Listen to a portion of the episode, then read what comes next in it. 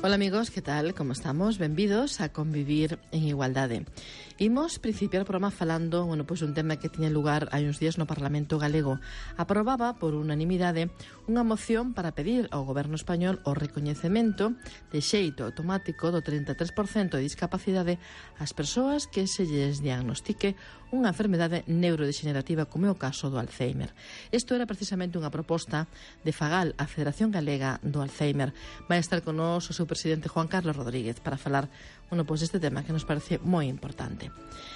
Despois imos falar de outro tema que non é menos importante e é a figura do mediación do, do mediador, a mediación en conflictos un mediador eh, moitas veces pode evitar conflictos maiores, conflictos nos xulgados. Eh, o Colexio de Psicología de Galicia volvía a abordar este tema nesta fin de semana pasada. Tiña lugar unha xornada formativa na que, eh, bueno, pois se formaban precisamente os psicólogos que traballan neste tema. Imos conversar con Eva Muiño, que é mediadora.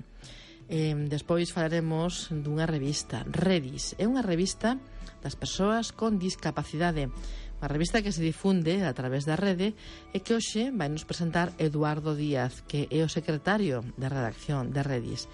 E xa para rematar, e como estamos en época de viaxar e de coller avións, bueno, pois imos ver como poden facer as persoas con algún tipo de discapacidade, sobre todo persoas que necesitan axuda dunha terceira persoa para viaxar. Vai estar con nos Lucía Pérez, que é xefa de operacións de AENA no aeroporto de Lavacolla. Con ela imos ver como temos que facer se viaxamos, por exemplo, en cadeira de rodas. Estes son os contidos que temos para hoxe 5 de xullo. Recibido un saúdo de Rosa Rodríguez no control técnico, de Cora Rodríguez na redacción e de que vos fala Clara Desa. Comezamos. Convivir en igualdade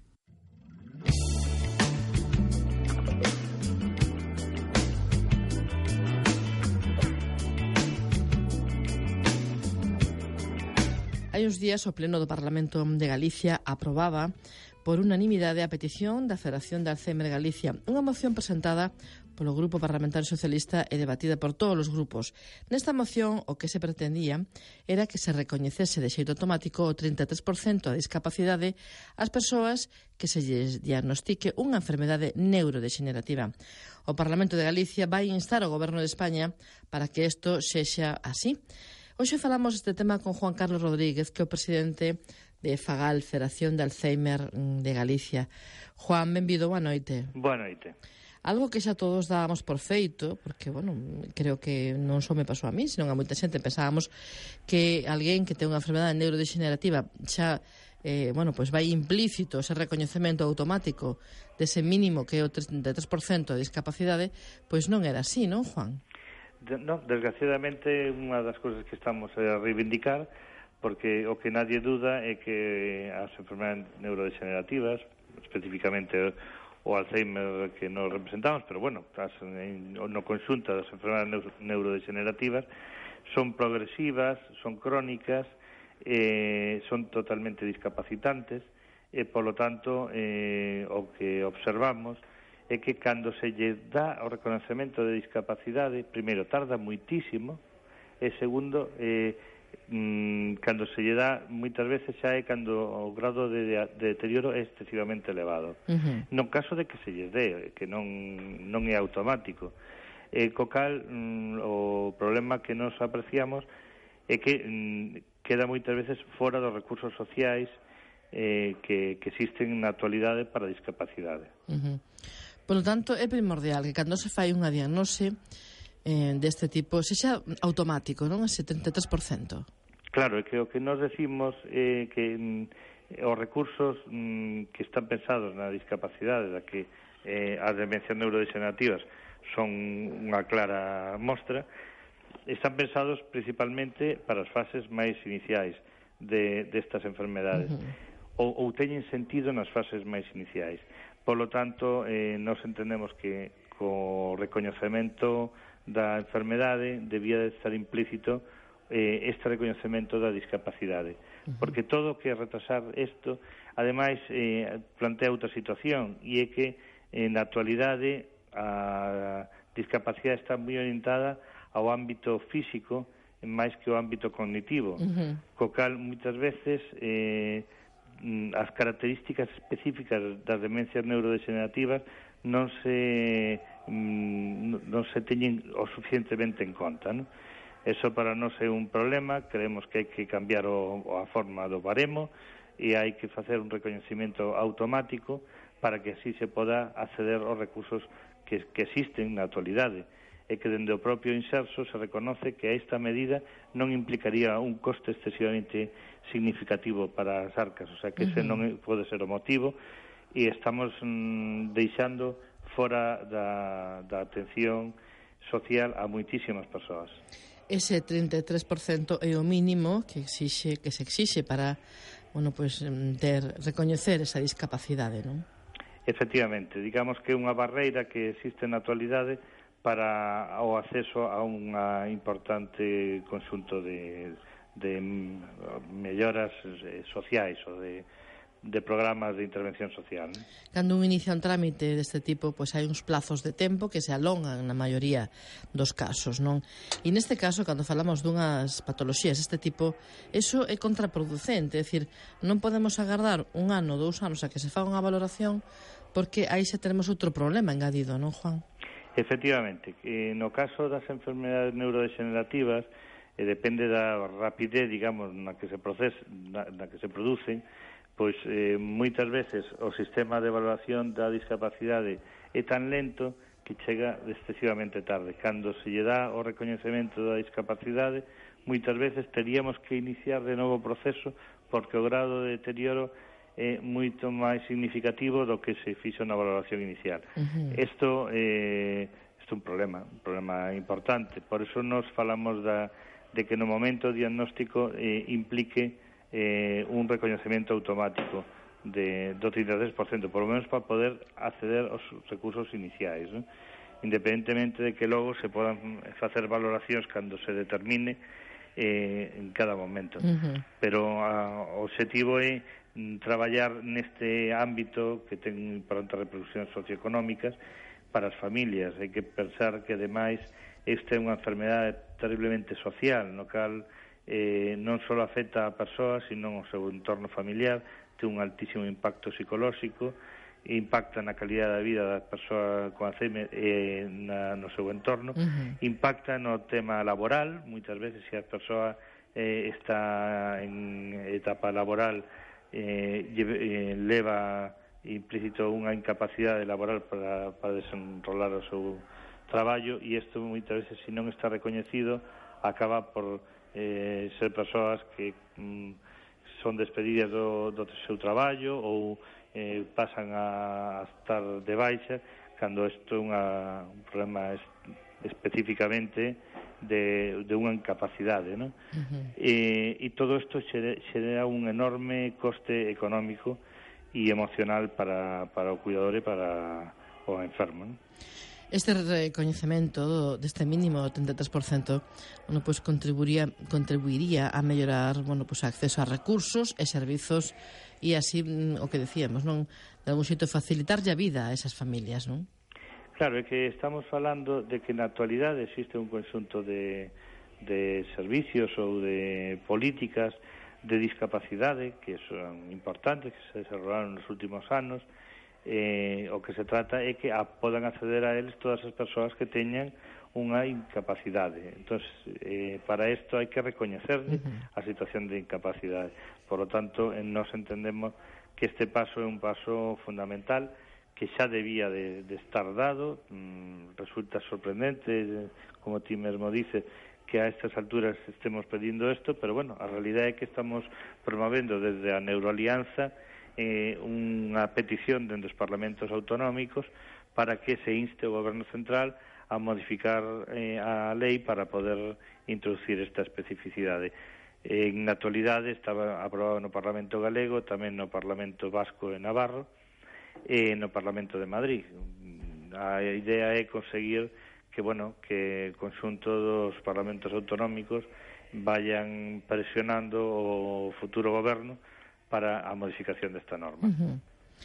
Fagan, a Federación das Asociacións Galegas de Familiares de Enfermos de Alzheimer e outras demencias eh, agrupa, eh, corréxeme se me equivoco, 13 entidades e algo máis de 5.000 familias, non, Juan?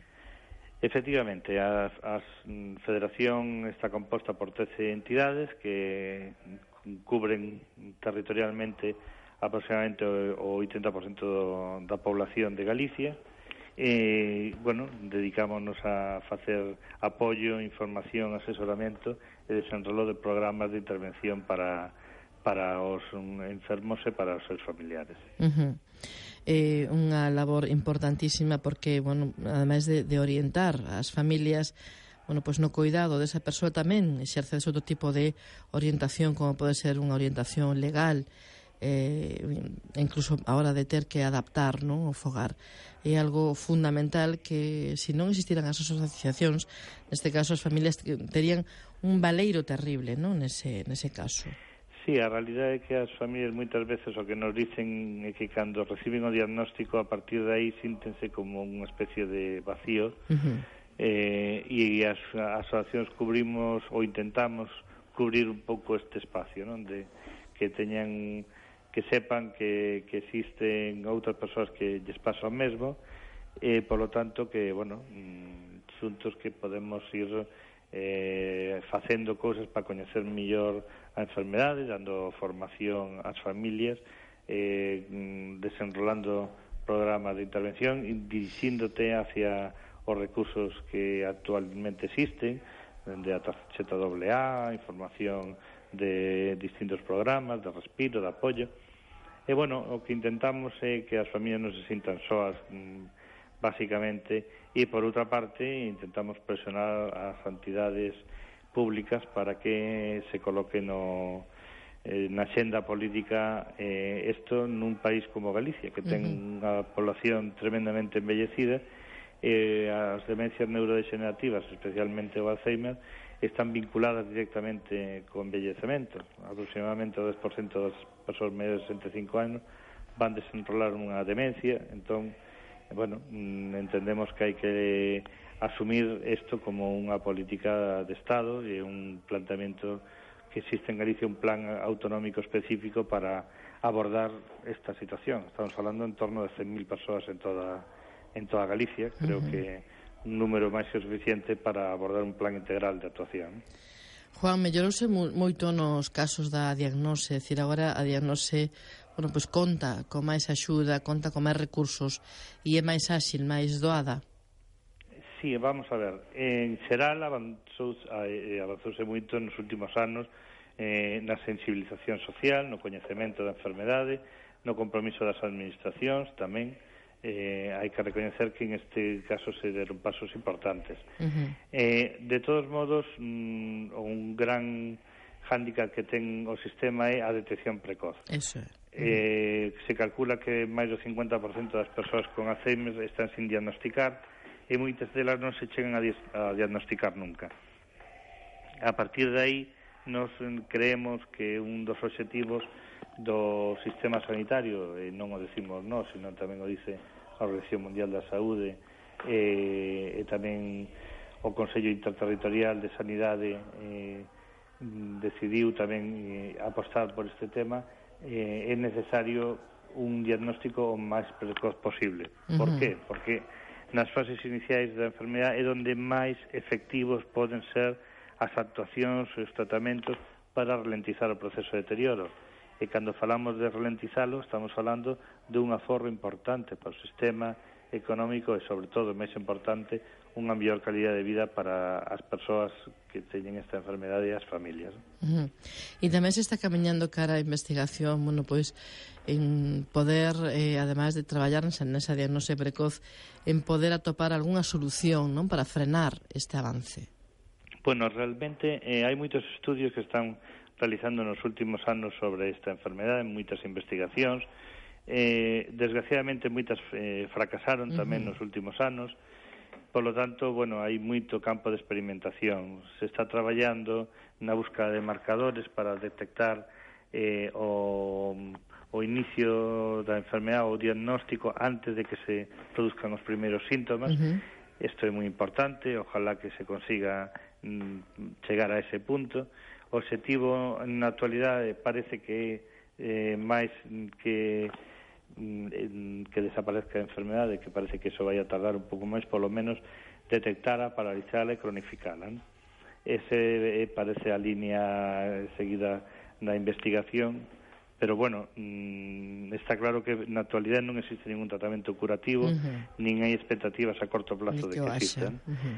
Por lo tanto, bueno, pues eh, o que hai que tratar son os síntomas e hai que intentar mm, detectarlos canto antes e poñer en marcha estrategias canto antes para, mm, bueno, por lo menos conseguir frenar o desenrolo entre mm, políticas farmacolóxicas e non farmacolóxicas, tratamentos eh, terapéuticos que moitas veces realizan as propias asociacións e que axudan a ralentizar o proceso de deterioro. Uh -huh. E en xeral hai que educar a población para eh, levar a cabo políticas de prevención ao deterioro no seu conxunto, eh, políticas de envellecemento activo, uh -huh. que nos permitan, bueno, conseguir unha sociedade que sendo maior sea activa e saludable, non? Eso é o que o que, bueno, polo que hai que loitar, non? E sobre todo, bueno, pois que tamén a sociedade en xeral entenda, eh, bueno, pois que que é esta enfermidade e que son as demencias. Eh, agradecemos moitísimo a Juan Carlos Rodríguez, presidente de Fagal, Federación Alzheimer de, de Galicia, que estivera hoxe con nos para aclararnos todas estas dúbidas e, sobre todo, poñer, eh, bueno, pois, de manifesto que eh, se reclama ese 33% de discapacidade ás persoas que se lle diagnostique unha enfermedade neurodegenerativa.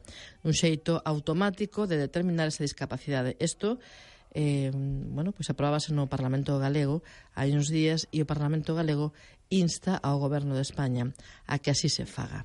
Non sei se nos queda, nos queda algo por engadir, Juan. Eh, bueno, simplemente con valorar moi positivamente a unanimidade de todos os grupos da Cámara uh -huh. no aprobar, cando se aprobou esta esta petición, porque creemos que este é un tema tremendamente transversal e agradecemos moito que todos os grupos mm, da Cámara mm, deu con absoluta unanimidade apoyaran esta, esta proposta. ¿no? Uh -huh. Juan Carlos Rodríguez, presidente de Fagal, muchísimas gracias. Muchas gracias a vos.